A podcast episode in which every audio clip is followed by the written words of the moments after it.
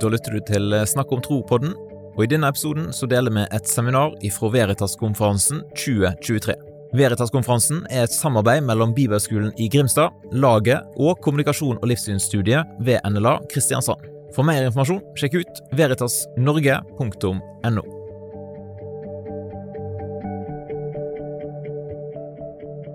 So my name is Emil. I'm uh, from Denmark, living in uh, Aarhus, and I've just started a postdoc position at the University of Copenhagen at a new Center of Science and Faith. Besides that, I'm also the leader of the Danish Center for Christian Apologetics. So the, the title for my talk is Meanings of Life, Imagination, Evidence and Stories as Keys to Unlocking a Meaningful Life. So this topic of meaning has uh, interested me for a long time, ever since I was a, a teenager, I guess. And then um, the last years, uh, the last five years, I've been doing a PhD on Christian apologetics, on the nature and method of apol- apologetics. And one of uh, the, the figures I examined was Alister McGrath, who had the keynote last night, and his approach to apologetics. And a central focus in, apolog- in McGrath's apologetic thinking is the idea that the Christian story, the Christian framework, the Christian faith fills life with meaning, purpose, and value. So, so uh, my talk is basically to try to unfold this point. What does this mean more concretely? Um, also, um, I have just started a new research project at the Center for Science and Faith on, on meaning. So I want to examine the concept of meaning more closely and relate it to, um to sustainability and the climate crisis. But that is a topic for another talk. But it's, it's just some uh, background. Well, so I can give you the outline. So I'll start with uh, giving you some perspective, perspectives on what is the meaning of life. Then I'll say something about what does meaning mean, what is meaning. Then I'll give you a theoretical uh, framework for meaning. Then I'll try to connect this to Christianity and say something about the discipleship of the mind.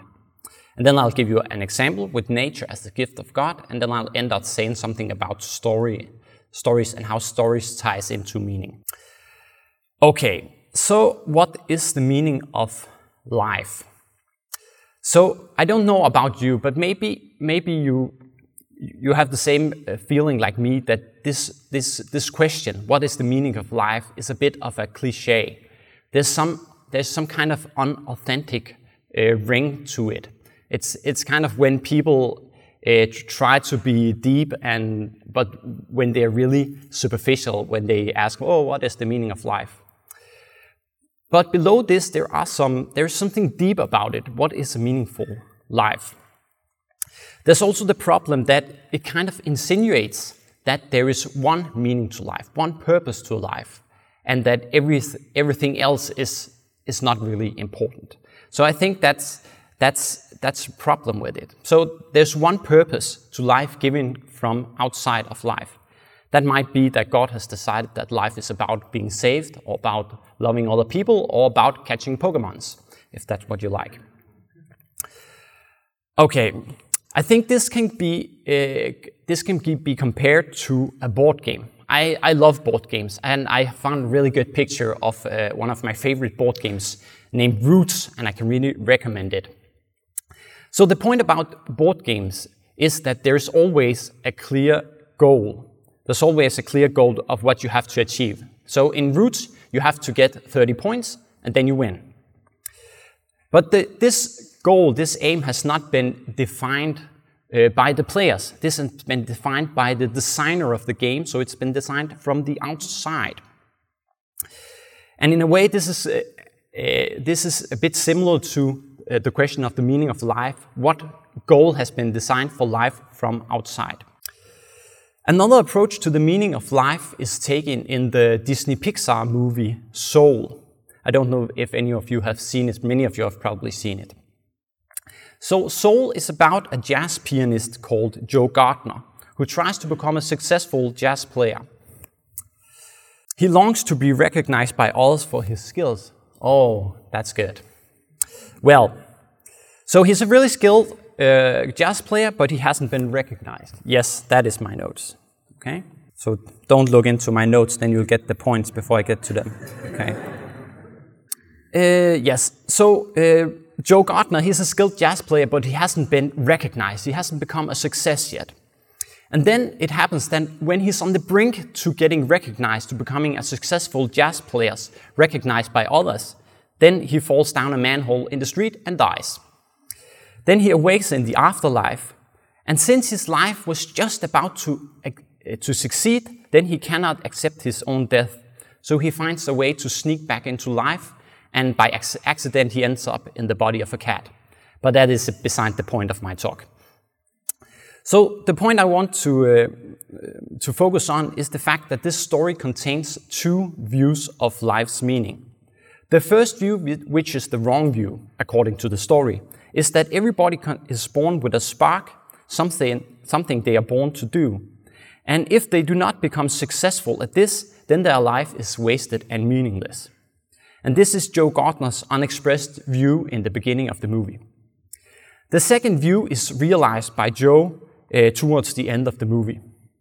So, the central point of the second view is that we are not destined by birth, birth to do something specific, which determines our value and meaning, uh, the meaning of our life.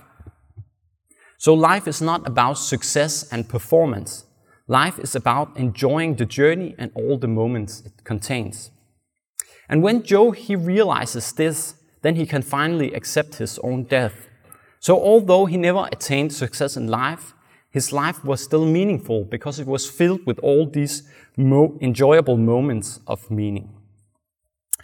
So, we can see there is kind of this movement from the question, what is the meaning of life, to what is a meaningful life. And that is also what ties into the title of my talk, Meanings of Life. So, in Denmark, the topic of meaning has become quite popular in, uh, in public culture. One of uh, the proponents is uh, Morten Albæk, who's a philosopher and CEO. He has written this uh, popular book called One Life, One Time, One Human Being How We Forgot to Live a Purposeful Life or Meaningful Life. So, his main point is that we used to focus on a good and happy life. But the concept of meaning has become more and more important because we have realized that even though we have all we need materially, materially in our welfare society, we still lack something. So he distinguishes between three basic concepts satisfaction, happiness, and meaning. So satisfaction cannot satisfy us because it's momentous. That's when you want an ice cream and you eat the ice cream, then you become satisfied, but it disappears in a moment. Happiness it can neither satisfy us because happiness is an unattainable ideal it's the, it's the ideal of feeling good all the time, but we can never attain that. So, meaning is important because it helps us appreciate uh, the moments that are neither satisfying nor happy. And he gives an example. So, when you hold your crying baby in the middle of the night, this is not pleasurable, but it's deeply meaningful. The point is that suffering and pleasure are opposites, so you cannot have both at the same time. But meaning and suffering are compatible. Meaning can help you cope with suffering. This has also been emphasized by the German philosopher Friedrich Nietzsche.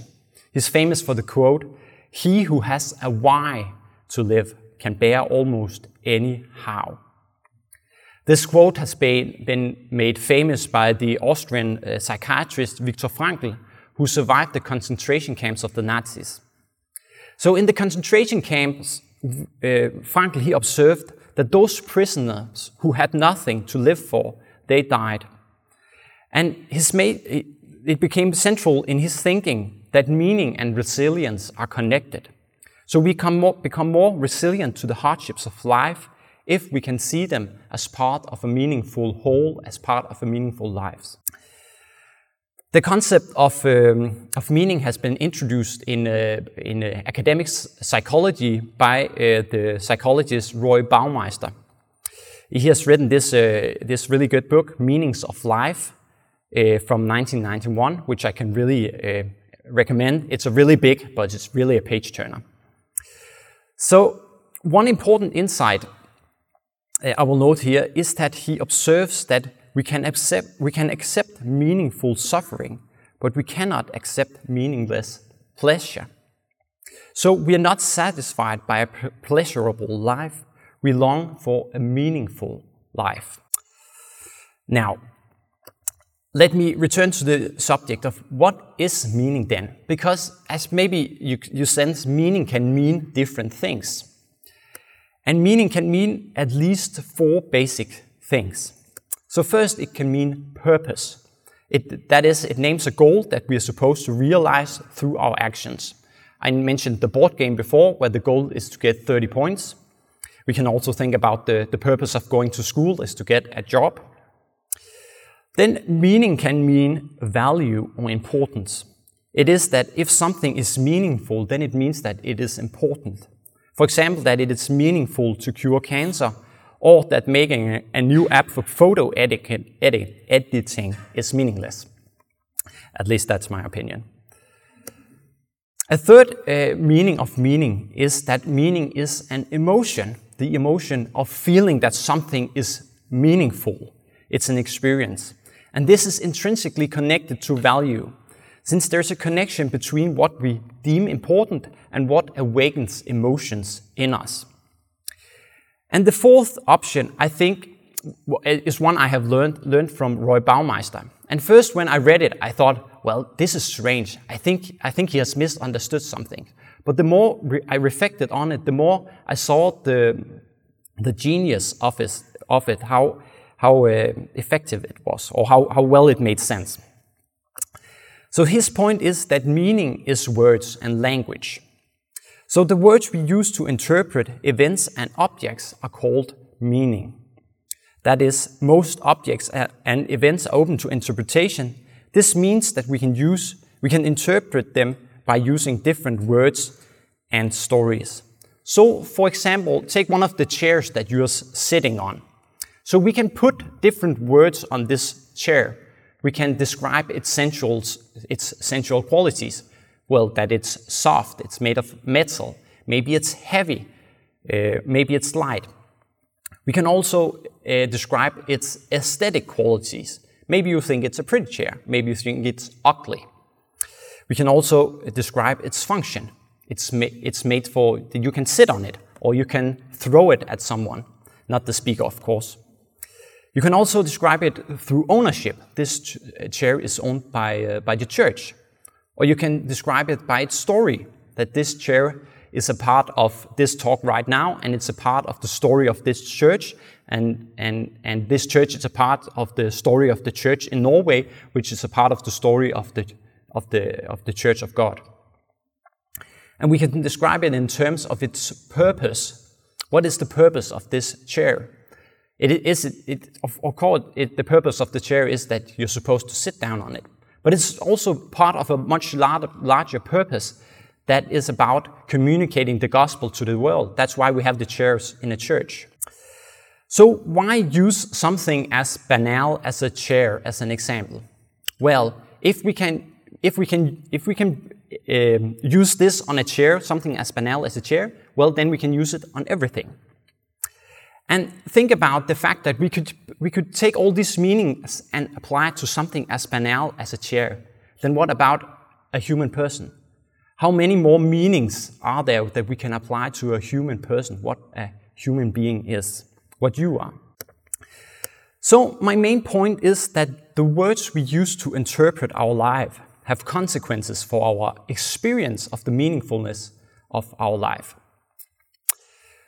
So let me tell you a, a short story that illustrates this. So it's the story about three men who are building a wall. So a child sees these men building the wall and become curious because, you know, children are curious. So she walks up to the first man and asks him, well, what, what are you doing? And the man looked quite annoyed at her and said, well, can't you see? I'm building a wall. So she approaches the second man and he's, he's working, he's enjoying the work. So she asks him, Well, what are you doing? And he says, Well, I'm building a house. And then she, she sees the third man. This man is working, working with frantic energy, and sometimes he looks up into the air as if he can see something that no one else can see. So she approaches the third man and asks him, What are you doing? And when she asks him, she becomes happy and says, Oh, I'm so glad you asked. You know, I'm building a cathedral to the glory of God. The point is that the three men were doing the same work, but they interpreted their work differently. And that difference they associated with their work influenced their experience of the work. Now, let me repeat myself again in a much more abstract manner, if you like that. So, take this person P. This person P meets an object. This, that might be a chair or an event like this talk, or an emotion like maybe you feel bored at this talk, or an action, well, that you throw a chair at me. Then then we have this uh, square which represents what happens inside the person. So P meets an object, the chair, and then, or the, the wall, and then this is open for multiple interpretations. So you can see you have the three men, and they have three different interpretations of what they were doing with the wall. So X can be interpreted through different stories, and these stories determine the significance of X. But not all of these stories are believed. So one story, usually one story is believed, although in some situations we, we, can, we, we don't actually know what story to believe. But the story P believes on the basis of evidence, and evidence is here taken to, to be what makes P experience the story as true.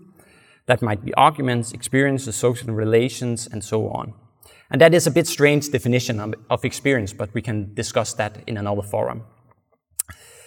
The point is that this, the believed interpretation of X uh, elicits an emotional reaction toward X. So the emotional reaction happens if the story gives X either a positive or a negative value. So a positive value might be that X is attractive, it's something to be protected or pursued, or a negative value is if X is something that is threatening or dangerous, something which has to be prohibited. There's also the situation where x has a value of zero or something close to zero. Then we won't have an emotional reaction because then we don't really care about it. So the point of uh, the emotional reaction is that it moves us to action in regard to x. So, so uh, we do something with the wall or with the chair.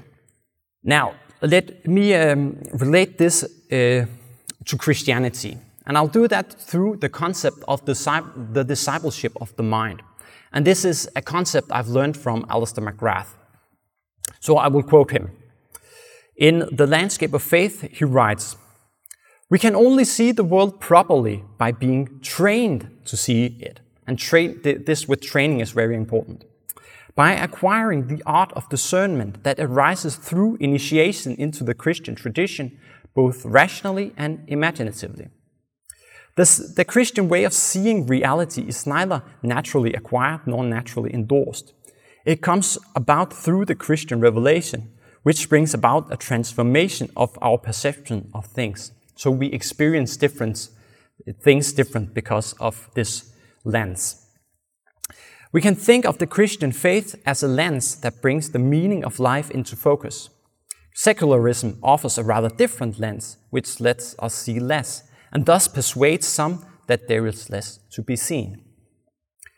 So the basic image is one of a, a lens. So if I put on, so if I take off my glasses, then everything becomes blurry. If I put them on, then I can see everything as it is. You might also say that if you put on a, a lens that is red, then everything will re look red. If you put on one that is blue, then everything will look blue. So the lens that we see the world through forms our experience, our perception of the world. So let me try to summarize uh, the discipleship of the mind in five points. So the first point is that the Christian faith is a framework of meaning. It is a set of words and stories that we use to interpret the world and our lives. Secondly, we need to learn to see the world as it really is. The discipleship of the mind is a process of learning to interpret the world correctly. So it's not just enough that you are Christians or that you have been baptized. It's something that you have to learn. It's a lifelong learning process to put on this lens, this, uh, this discipleship of the mind. We learn to interpret the world correctly through the Christian tradition and in the Christian community. That is, more concretely, through the Bible, Sunday service, liturgy, song, books, teaching, prayer, etc. Fourthly, the Christian lens is given by God through Christ and the Bible. Or if we want to say it a bit more simplistic, God tells us how to interpret the world, although He, of course, does not fill, fill in all the, detail, the details. Ønsker du å lære mer om kristen tro, og kanskje ha en digital dialog med en kristen e-coach? Sjekk ut nettkursene på kurs.omgud.nett. Eller kanskje kjenner du noen som kunne hatt glede av et sånt nettkurs? Da håper jeg at du har lyst til å sende deg et tips om den muligheten. Nettkursene er selvfølgelig 100% gratis.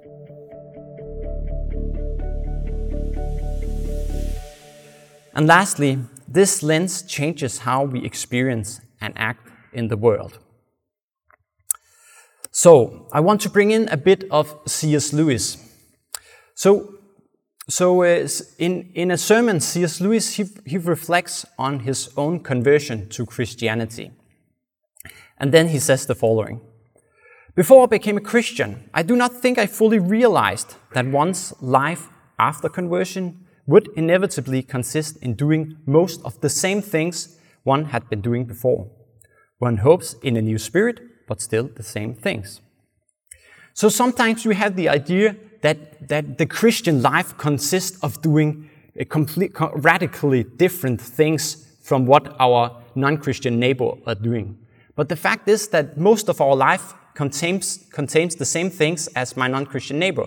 So I get up in the morning, I drink coffee, I take my bicycle to work, I read some books, I come home, I give my kids food, I watch Netflix, maybe catch some Pokemons or play a board game, and then I go to bed. So, in one sense, my life is like my non Christian neighbor. But in another sense, it's a completely different life I'm living because these elements of my life are tied together by a different story. So Miroslav Volf, he makes the Croatian theologian Miroslav Volf, he makes uh, the base the, the same uh, ref reflection in a bit of other words. So he reflects on, on Jesus' saying that man should not live by bread alone, but by every word that proceeded out of the mouth of God. And then he comments, What we really need to learn is that we need more than bread alone to live true human lives. We need more than bread to truly enjoy bread. So, to, to, to help you understand what he means, so there's bread alone, that is the things in itself, that is the chair in itself, that is the wall. And then there is something more that we need than this, and that is meaning, that is the big framework, a story to, to, to uh, understand this object through. So he continues There is never enough bread when we live by bread alone not even if we make so much that it rots. When we live by bread alone, there will always be some who starves. When we live by bread alone, every bite will leave a bitter taste, and the more we eat, the more bitter it becomes. When we live by bread alone, we will always want more and better bread, as if the bitterness and inadequacy was in the bread itself, and not in living by bread alone. So, why are we not satisfied by bread alone? It's because we are made to live in two worlds the transcendental and the ordinary. We are not satisfied by bread alone because meaning and pleasure belong together. Bread alone are things in themselves, but things in themselves are not very meaningful. Therefore, they cannot satisfy us on a deeper level. So, the main point of the discipleship of the mind is to learn to see not just the things in itself, but to see it in light of a bigger story that the Christian story claims it is a part of. Now, let me give you an example with nature as a gift from God. So, what do you see on this picture? Maybe you think, well, it, that, that's a gift shop. At least that's what it's saying on the, on the sign above the shop. But is it really a gift shop?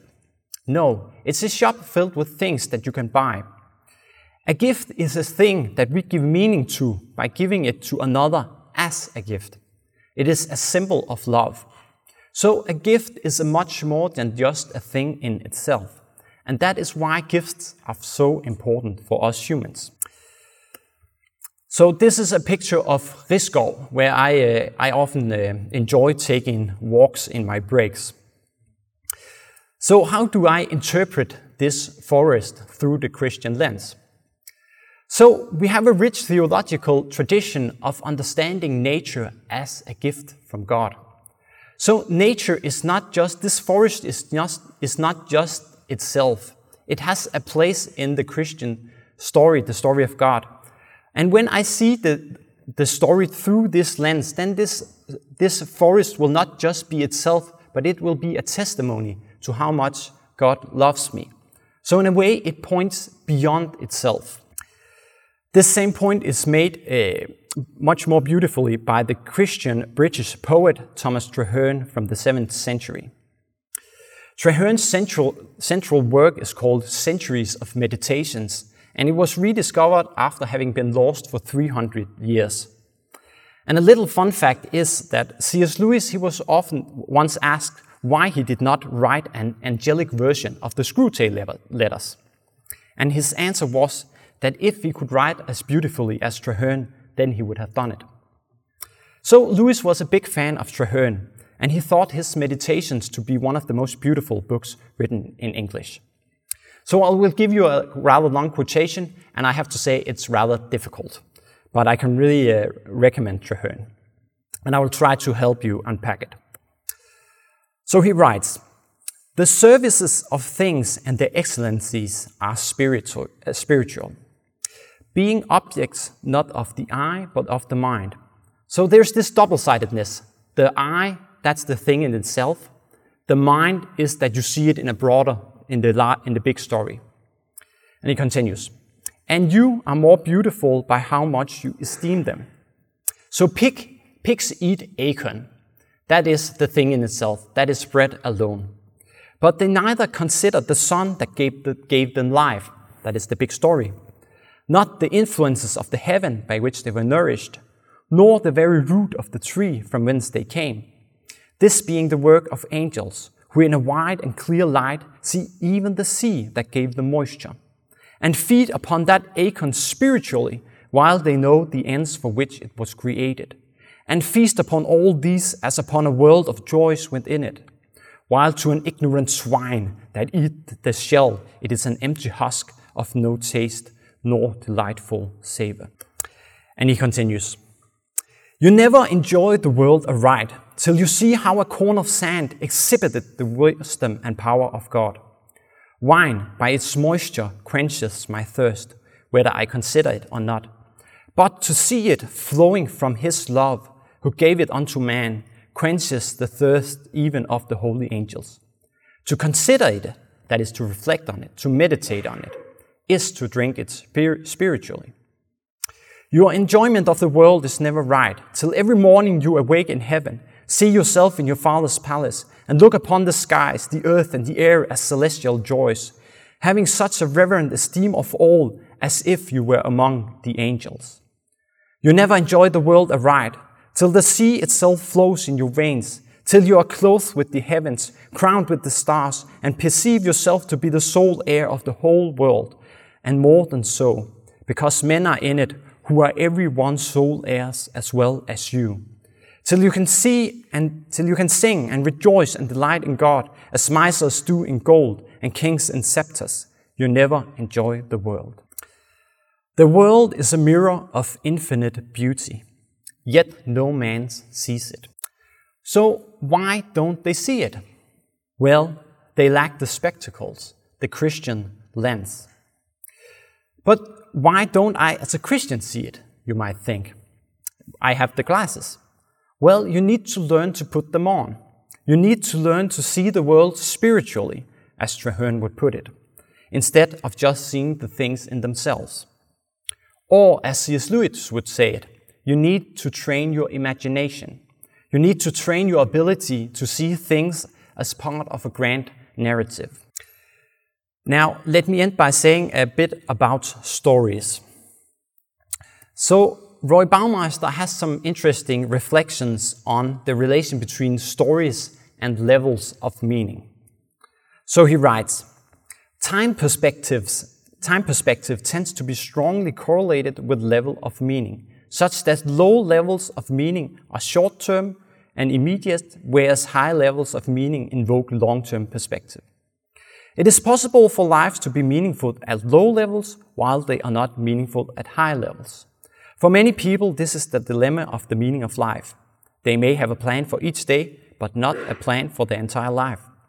Each day makes sense and follows an organized pattern, but life as a whole seems to unfold without following a coherent storyline. So, although fragments of low level meaning do not necessarily combine into high level meanings, the reverse is more likely. That is, if your life has a broad integrative meaning, then most individual acts and events can draw meaning from it. Meaning thus flow, flows downward more easily than upwards. There is a tendency for a meaning to, of life to look as if the person, person has placed himself or herself in the middle of a long range story or trend. A continuity of family across many generations, or lasting fame, or an eternally valid religious doctrine, or broad historical trends such as a revolutionary movement, or an artistic or cultural or scientific movement. So let me try to uh, summarize that. So things, events, emotions, and actions become meaningful by being part of a grand narrative. The larger the narrative, the more meaning it confers to one's life. So my story is a part of my community stories, which is smaller than the story of my nation, which is smaller than the story of God, a religious story. So we can only live meaningful lives if we manage to live our lives in light, light of a narrative larger than ourselves. This might be natural, nationalism, Islamism, climate justice, sport, Christian faith, and so on. And the last point that's quite important. Grand narrative does not necessarily make the thing, the thing in itself become more important. In a, thin, in a sense, the thing in itself become less important because it is connected to something of much greater worth. And I think this connects very well with uh, my Christian faith. So, the discipleship of the mind teaches us to see everything in our lives in light of the story of God. So, when we interpret our lives in this way, we will see that, in a sense, our lives become less important, but at the same time, it, they become more meaningful. So, in a sense, the key to a meaningful life is summed up in a sentence by John the Baptist. He said, He must become greater, I must become less. So, this is true both as a general principle that life becomes meaningful when we become part of a larger story, and it is specifically uh, it is specifically true of the Christian story. So, what is the meaning of life from a Christian perspective? Well, it is to follow Christ in his self sacrificial love for the world and to point to him who is the meaning of it all. Thank you.